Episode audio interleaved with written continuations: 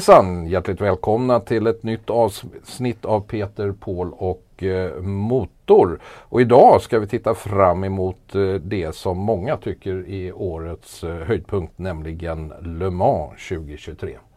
Ja, och det är inte bara en höjdpunkt för dem utan även för oss. En rejäl urladdning där vi ju i nästan en veckas tid följer det här evenemanget i princip dygnet runt. Ja, det är närmare så jag räknade på det att jag tror vi gör ungefär 40 timmar direkt sänt på fem dagar. Så att det, det är definitivt eh, en upplevelse. Och i år är det lite speciellt också därför att det är 100-årsjubileum. Det startade 1923. Man har inte kört 100 gånger utan 91 gånger. Och dessutom så har ju vi varit med ett bra tag. För mig, Paul, så eh, är det ju 16 upplagan. Jag har varit med sedan 2008. Du kom lite senare. Ja, jag tror att det är tolfte gången som, som jag får vara med och göra då tv-sändningen de 24 timmarna. Så att eh, i det här programmet så tänker vi nu titta lite på vad som har hänt eh, under säsongen så här långt. Om det har hänt någonting sportsligt eh, när det gäller reglementen och annat. Och sen tänker vi gå igenom de olika klasserna. Ja,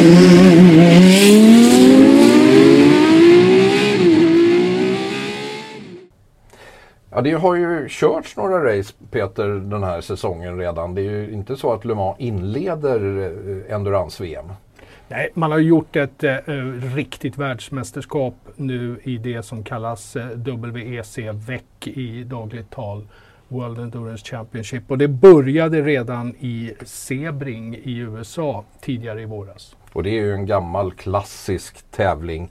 Ehm, sen har det ju varit så om vi tittar på resultaten då. Sen efter Sebring så har det ju varit dels Portimao som är ny, att den kommer in där. Där har inte den funnits förut. Och det är en sex timmars eh, tävling. Och sen har vi ju den mer klassiska inledningen av Endurance-VM-säsongen som är på spa. Och det är ju de tävlingarna vi har haft eh, så här långt. Och vad kan man läsa ut av vad som har hänt hittills under, under eh, säsongen?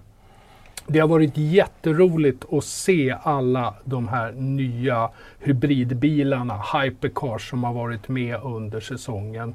Men vi måste väl ändå konstatera att Toyota fortfarande har ett försprång.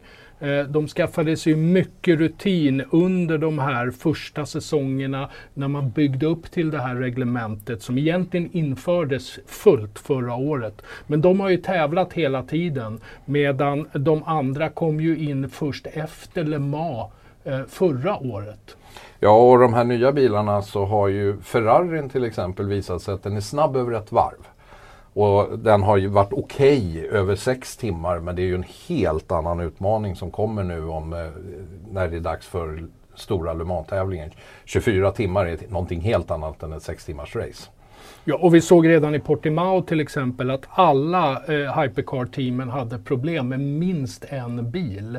Även Toyota. Och nu har vi då alltså den racedistansen gånger fyra. Och det brukar vi ju säga att under ett 24 timmars lopp har alla team problem. Det handlar om att förlora så lite tid i depån som möjligt.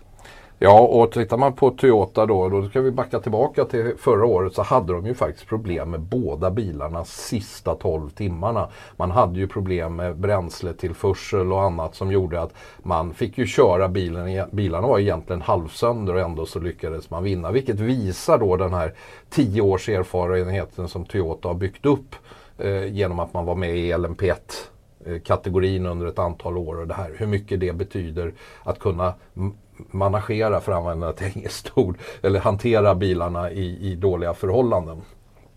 Men det ska bli jättekul att få se ett eh, nu, vad vi ska säga, första Le Mans där vi har riktig konkurrens i hypercar-klassen.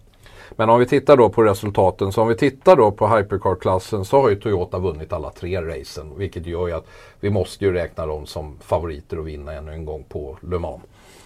Mm, de har bara två bilar dock eh, och eh, ingen sån här utökning med tre och det är ju massor med motstånd i klassen. Senast jag räknade så är det 16 stycken hypercar-bilar. Ja, och vi återkommer det om en liten stund när vi går igenom klasserna och så. Och tittar vi då på LMP2-klasserna så är det ju som så att det vi har lärt oss med åren är ju det att bilarna, och i år är det bara en bil för övrigt, eh, alla kör och reka 7-bilen. Men LMP2-klassen så är det ju stallen det handlar om. Och så här långt så är ju det the usual suspect som har varit bra. United eh, Autosports har vunnit två tävlingar och Team WRT har vunnit en av dem. Och det är väl lite ungefär vad vi förväntar oss. Det är Jota också, kanske något stall till som kan vara med och slåss om det här normalt sett. Ja, det är som vanligt. Vi bygger alltid upp förväntningarna på LMP2-klassen varje år och de är inte mindre än vanligt i år. Men, men eh, på något sätt så har de ofta gjort oss lite besvikna att avstånden har blivit större i klassen eh, under dygnet än vad vi har räknat med och att det är då gamla GTE Pro-klassen som istället har så att säga varit race ända till mållinjen. Och apropå GTE e Pro-klassen så är ju den nu borta eh, och man har bara en GT-klass kvar, det är AM-klassen.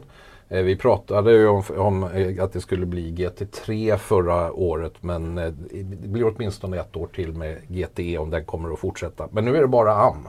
Bara AM ja och det betyder att eh, fabriksteamen, eh, tanken är ju att de ska köra Hypercar, alltså LMPH.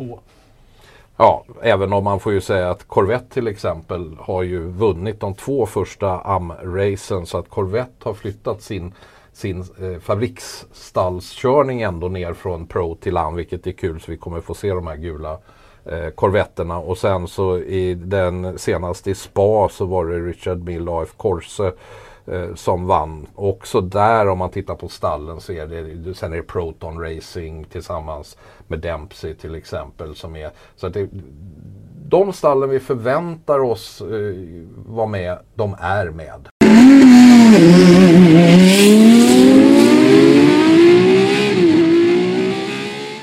Vi brukar ju gå igenom eh, sportsliga förändringar och vill man säga så är det ju det här att de här eh, Daytona-hybriderna som de kallas har, har kommit in. Men eh, eh Hypercar-klassen, hur, hur ser man på den i år? Det är en, ska vi säga, en vidareutveckling men samtidigt skulle jag vilja säga en, en, en eh, förenkling av LMP1-klassen.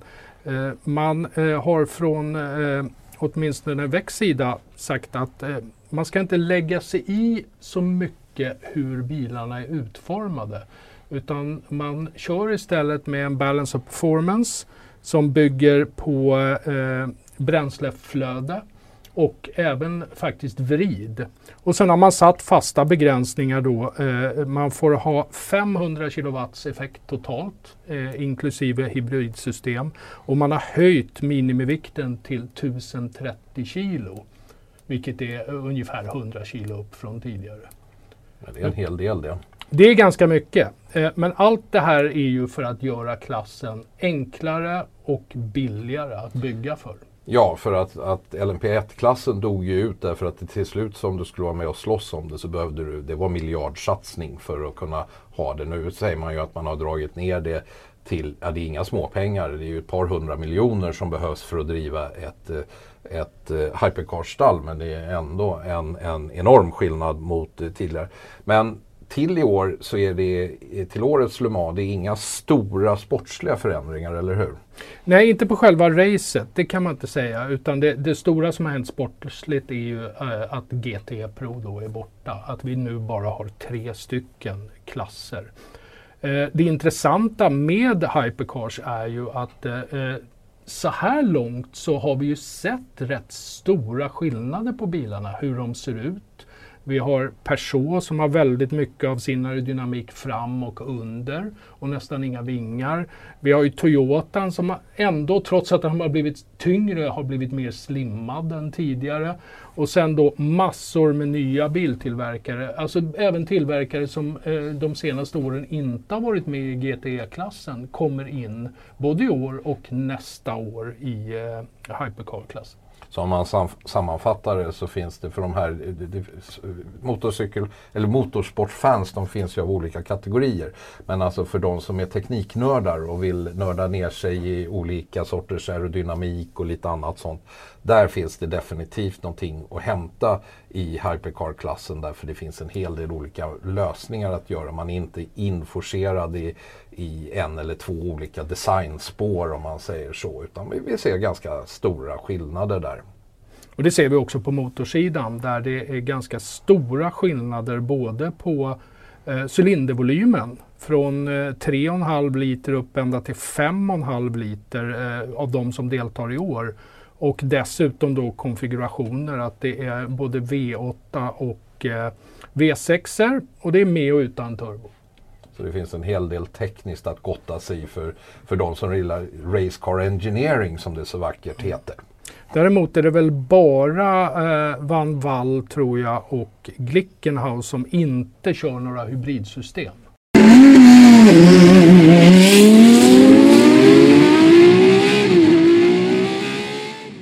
Och det där var ju lite tekniskt om hur, hur eh, hypercar-bilarna fungerar. Eh, men ska vi ta och eh, titta lite på, på de här bilarna som kommer att tävla. Vi har alltså 16 bilar till start i största klassen. Det har vi väl inte haft sedan Porsche-tiden på 80-talet med 962 och de här ja, de bilarna. Ja, Porsche har ju passande nog döpt sina hypercars till 963. Det finns nog en liten tanke på det tror jag. Absolut. Ja, men definitivt. Men om man tittar då, du var redan inne på det och det är ju jag också inne på, det är ju det att favoriten är naturligtvis Toyota. Eh, en som man inte ska riktigt räkna bort i de här sammanhangen ändå är ju Glickenhaus som gör sitt tredje år. De, de, de eh, har ju då erfarenheten av 24 timmars racing. Det skulle man ju om man är snäll kunna säga att också Floyd Van Wall Racing Team har. Eh, för det är ju Bucolles, eh, gamla Bucolles. Men, men Bucolles drev ju rätt mycket med att de stod ju mera i depån än vad de faktiskt var ute på banan med sina bilar. Eh, vi får hoppas att det går bättre för Van Wall som, som eh, de äger det varumärket. Eh, kan ju säga om Van Wall är ju alltså att Van Wall var ju eh, Guy van eh, som hade ett stall på 50-talet i Formel 1. Eh, och man vann det första konstruktörs-VM 1958. Sen drog man sig ur 1959 eller om det var 1960 ifrån Formel 1. Och så dyker man nu upp igen i de här sammanhangen. Så det är bara en sån här liten historisk notis på det hela. Eh, men sen är det ganska öppet på runt de andra. Jag sa det, Ferrari har varit snabba över ett varv. Ja, de var till och med allra snabbast på spa, men de fick det varvet struket på grund av track limits. Men jag skulle säga att det var inte track limits som egentligen var avgörande för varvtiden. De var snabba över ett varv. Och kan de omsätta det till race pace så kommer ju de eh, definitivt att vara konkurrenskraftiga. Och sen då Toyota har eh, samma förare som eh, de brukar göra. Det är eh, Conway, Kobayashi och Lopez i ena bilen och sen är det Buemi, Hartley och Hirakawa i, i den andra eh, bilen. Och sen finns det ju en del som jag tycker ganska intressanta besättningar. Cadillac har ju till exempel eh, Sebastian Bourdais, mycket erfaren eh, kille. Scott Dixon som har ju kört mycket Indycar och Renger van der Sande. Det är ju en intressant mm. besättning. Och i den andra bilen sitter ju Earl Bamber, Alex Lynn och Richard Westbrook. Och det är inte heller några duvungar i de här sammanhangen. Nej, de är ju mycket erfarna. Sen är en, en, en av mina eh, favoritbesättningar är ju annars då sitter den ena av de här två Ferrari-bilarna, den med nummer 51. För nu ska man ju säga det också att numren har man ju nu tagit 51 i AF Korse eh, har ju haft på sin GT Pro-bil. Men har man ju, så att 51 kommer att vara med. Ferrari nummer 51 kommer att vara med även i, i eh, Le Mans. Där, och där sitter då också från just GT Pro-klassen James Calado och har med sig före detta Formel 1-föraren Antonio Giovinazzi och sen Alessandro Pierguide. Det är en riktigt stark besättning det där också. Och ser fram emot vad de kommer att kunna göra. Men det här med numren skulle jag vilja eh, klaga på faktiskt. Eh, historiskt så har numren eh, reflekterat vilken klass bilarna går i. Att det har varit upp till ungefär 25 i eh, LMP1 och sen har det varit upp till 50 i LMP2. Och, och sen har man haft Proa och AM då, GT-nummer efter det. Men nu har man blandat friskt i år med eh, eh, som sagt 51 och 93 och 94 här i, i eh, LMP1 eller LMPH-klassen. Eller LMH ska jag lära mig att säga. Ja och dessutom så, så, sen, sen ska vi också säga när det gäller eh, hela tävlingen är att eh, det kommer tyvärr ingen svensk eh, till start i eh, år. Ganska gott om danskar dock som vanligt. vi har en del i i just eh, den stora klassen. Vi har eh, Mikkel Jensen som kör i en av de eh, två eh, Peugeot-bilarna och Niklas Nilsen som kör i en av Ferrari-bilarna. Eh, så att Norden kommer i alla mm. fall och Mikael Kristensen just. förstås i Porsche också ska vi inte glömma bort. Så man kommer ju ha eh, man kommer och ha nordisk representation. Men överhuvudtaget när jag tittar igenom det så är det, det är liksom väldigt mycket professionella förare men inga stjärnnamn bland förarna i år överhuvudtaget. Egentligen så är det de här som ska köra endurance-racing. Man har inte folk från Formel 1 på det sättet och sånt som vi har haft vissa andra år. Jag håller inte riktigt med. Alltså, eh, det är ju stjärnor men det, eh, det är inte Formel 1-stjärnor. Några har, har eh, kört lite Formel 1 eh, och jag tycker jag är väldigt förtjust i besättningarna i Peugeot till exempel. Peugeot är intressant. De kom ju igång precis efter Le Mans förra året. Det var ju meningen att de skulle vara med på Le Mans men de backade ur och ställde upp första gången på Monza sen. Eh, och de har ju en väldigt speciell bil. Den har den minsta motorn i klassen. Eh, och de har ju den här speciella aerodynamiken också. Ja, men, alltså all aerodynamik justering som kan göras görs i fronten av bilen och sen får flödet sköta resten så att säga. Under det, bilen ja, och ja. det finns ingen bakvinge. Nej. Men eh, besättningarna är Paul de Resta, Mikkel Jensen och Jan-Erik Wern i ena bilen. Mm, det är eh, inget dåligt gäng. Nej, och i den andra då gamle Porscheföraren Loic Duval, Gustavo Meneses och Nico Müller. Det är också en stark besättning. Tyvärr ska vi väl säga så har då person 9X8, den har inte riktigt inte visat tillräckligt med fart ännu. Men om de kan, istället kan få den att rulla och hålla 24 timmar så tror jag ändå de kan vara med och, och slåss om pallplatserna här i eh, årets race. Ja, det kommer bli en del frånfall där. Och innan vi lämnar eh, hypercar-klassen så vill jag bara det finns en möjlighet till lite motorsporthistoria i år. Eh, Sebastian Buemi vann ju förra året för fjärde gången. Skulle den Toyotan vinna i år igen. Då har han alltså fem segrar och då är han faktiskt uppe bland, då blir han nummer sex som har fem segrar eller mer i Le Mans. Och då är faktiskt BMI uppe i klass med Jackie X, Christensen, Derek Bell eh, till exempel. De andra två kommer jag inte ihåg just nu. Men, men eh, så, så, att eh, han har chans att bli en av de riktigt stora Le Mans-förarna efter i år.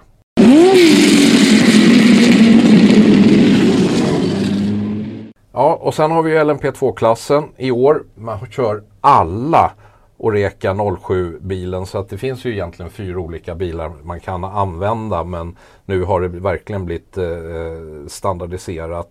Och det här är ju ett stallmästerskap. Det är det det handlar om. Eh, från början var det ju alltså tänkt att det skulle vara fyra olika chassin att välja på men alla har valt samma. Och sen kör man dessutom med likadana motorer. En Gibson V8 speciellt byggd för LMP2 som eh, eh, levererar ungefär 560 hästkrafter. Eh, och det är en sugmotor, alltså man har ingen överladdning och de har ju visat sig enormt pålitliga. Man ser väldigt, väldigt få motorhaverier i LMP2-klassen. Utom Jota då när de tappade segern med ett varv kvar. Eh, men annars så är, är de ju så. Och, och, här hittar vi i år då att Alpin som ju också varit uppe i eh, Hypercar-klassen nu har backat ur den ett år eh, för att bygga en ny bil och eh, är nere i LMP2. Eh, även om de, de, inte har då vunnit något av racen eh, hittills. Det har ju varit United Aerosport och så Team WRT och vi ska ju säga då sen är det, brukar det vara Jota, eh, Alpin och kanske Inter Europol Competition. Det brukar vara de som gör upp om det i LMP2-klassen. Ja, vi hoppas ju få se Alpin tillbaka i Hypercar då redan nästa år. Uh, ja, United Autosports har ett Jota med. VRT har två bilar. Alpin har två bilar. Alpin har ju en helfransk bil. Det är lite kul med Julien Canal, Charles uh, Millesi och Mathieu Vachivier. Bra besättning också där. Lite sådär man säger bra besättning. Alla de här förarna. Mm. Du kommer inte med utom möjligtvis i AM-klassen om du inte är en superb förare. Eh, att notera här eh, var ju det då att senast så vann ju då eh, Team VRT då med, med Rui Andrad, eh, Louis Deletras och Robert Kubica. Kubica som ju fortsätter att köra eh, bra trots att han inte har en, en ordentligt fungerande arm och så. En liten detalj eh, naturligtvis i LMP2-klassen är ju att Jan Magnusson gör sin 23 start i, i eh, Le Mans den här gången. Vilket gör ju att han nu börjar komma upp bland de tio bästa tror jag. Eller de som har flest starter. Och han är relativt ung. Vi var lite förvånade men det, det är varje gång vi slår upp honom så blir vi lika förvånade. För han är bara 49. Han har inte ens trillat för det här första åldersstrecket när det gäller eh, licenserna. Nej, för att man måste ju ha en eh, silver eller bronsförare i LMP2-klassen och då är ju sådana här rutinerade rävar som har halkat ner från en platinum eller guld ner till silver på grund av ålder. De är ju, eh, ska vi säga, high in demand som man säger. Ja, de är poppis. Och sen ska vi göra en annan liten detalj, för det sa vi tidigare här.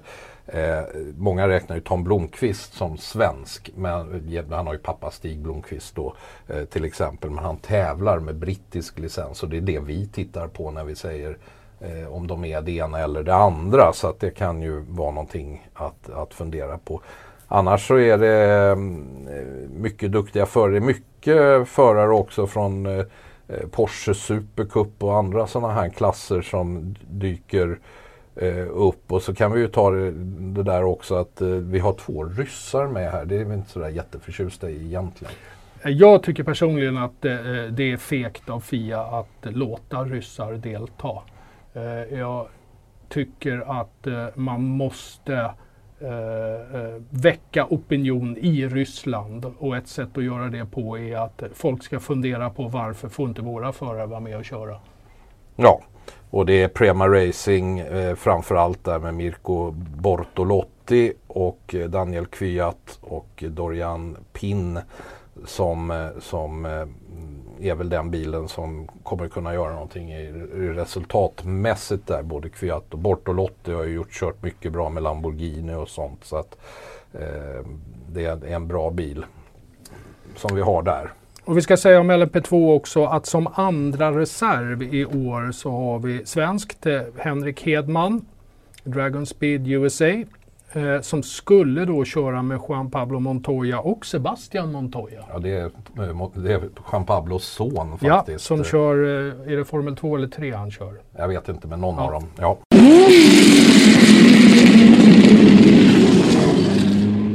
Ja, GTE e, e, AM-klassen har vi ju också. Det är ju en eh, som vi brukar, man brukar roa sig med liksom om man ska vara lite elak.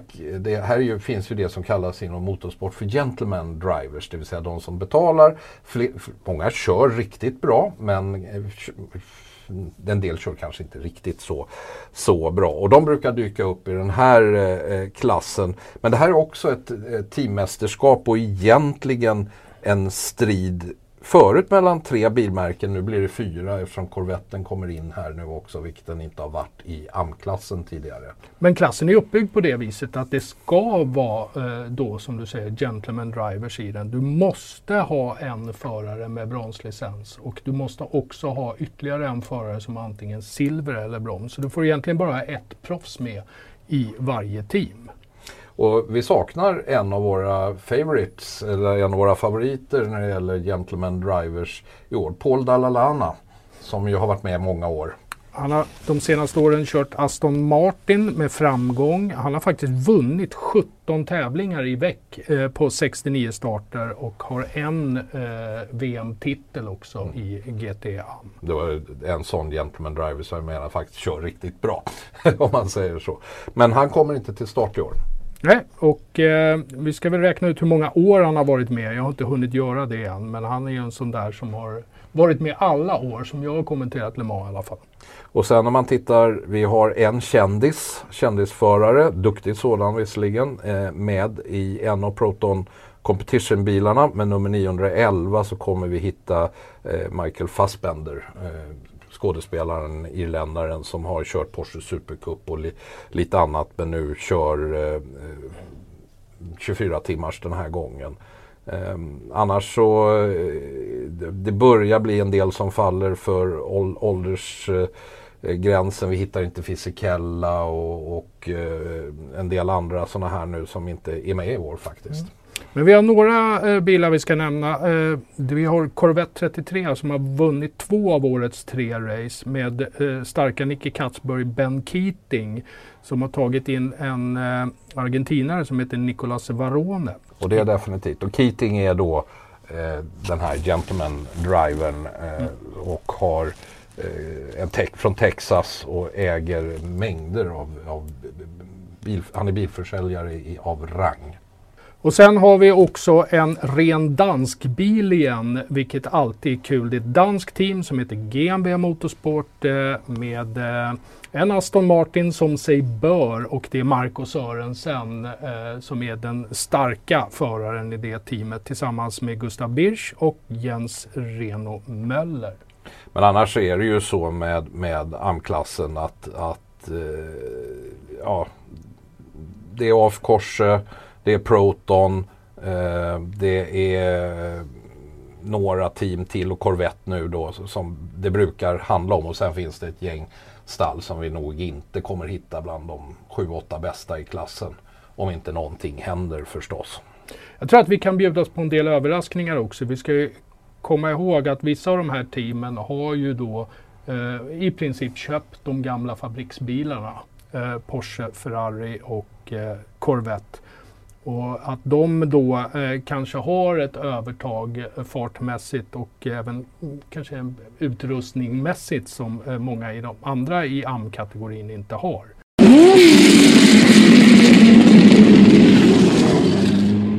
Ja, då har vi pratat om eh, de klasser som finns men det finns ju en bil till och den heter ju, går under kategorin vad som kallas Garage 56 men det är ju inte Garage nummer 56 Peter. Nej, det här är ju en kvarleva från gamla tider när det fanns 56 depåboxar på Le Mans och det begränsade antalet team eh, som fick delta. Men nu har man ju byggt ut det lite grann så att nu tror jag man har 62 eller 63 ja. depåboxar. Precis. Men man använder fortfarande det historiska namnet eh, Garage 56 för eh, att kunna ta in eh, antingen en bil eller ett team som på olika sätt inte passar in i reglementet. Nej, vi har ju haft en som var, vad heter det, quadriplegic heter det på engelska, alltså som var, som var tvungen att lyftas in och ur bilen för att han sitter i rullstol normalt sett. Vi har haft eh, Nissans pilbil som var en väldigt speciell teknisk konstruktion. Men i år så är det ju eh, lite mer traditionellt egentligen. Vi får en comeback, det var 1976 sist som Nascar var med i, på eh, Le Mans, men nu är de tillbaka.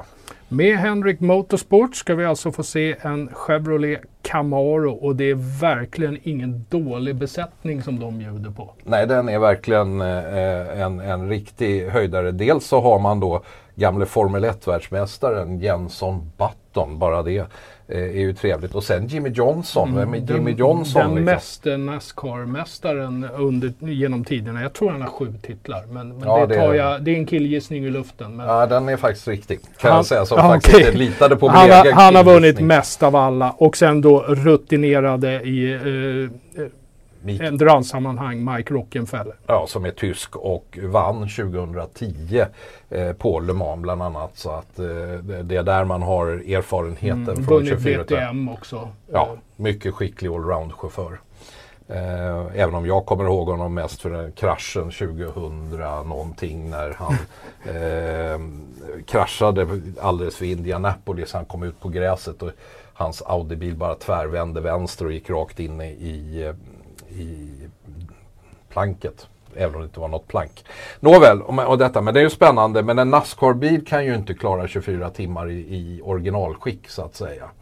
Nej, man har ju byggt om den här bilen ordentligt och dessutom lättat den. Var, jag tyckte du sa 260 kilo. Ja, sånt där. 260 kilo lättare än Ja. vad den är i Nascar. Så att man har gjort en hel del. Större bensintank, eh, man har en annan sorts spoiler och lite annat.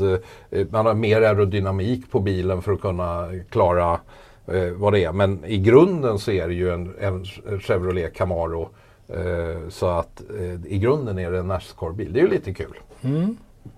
Men ja, Ja, senast körde de Dodge Charger och Ford Torino 1976. Det tyckte jag var lite kul. ja det är lite andra, andra bilar det. Ja. Dodge Charger, ja det är väl en sån där som, som Al Bundy skulle älska och, och köra. Han var ju Dodge fantast om jag kommer ihåg rätt från tv-serien. Nåväl, men man kan ju, måste ju då, och nu har vi ju gått igenom alltihopa eh, och nu ska vi ju komma till det som vi egentligen tycker eh, är värst, nämligen det här med att tippa lite hur det ska gå. För det har vi ju lärt oss både av rutin att det är fullständigt meningslöst vad vi säger, för det kommer ändå inte bli så, eller hur? Nej, allt kan hända och allt händer i endurance racing. Det är det enda man kan vara helt säker på. Och att vi gissar fel. I stort sett också. Och sådär. Men, men eh, Hypercar-klassen, om jag får säga vad jag tror, så det får jag ju.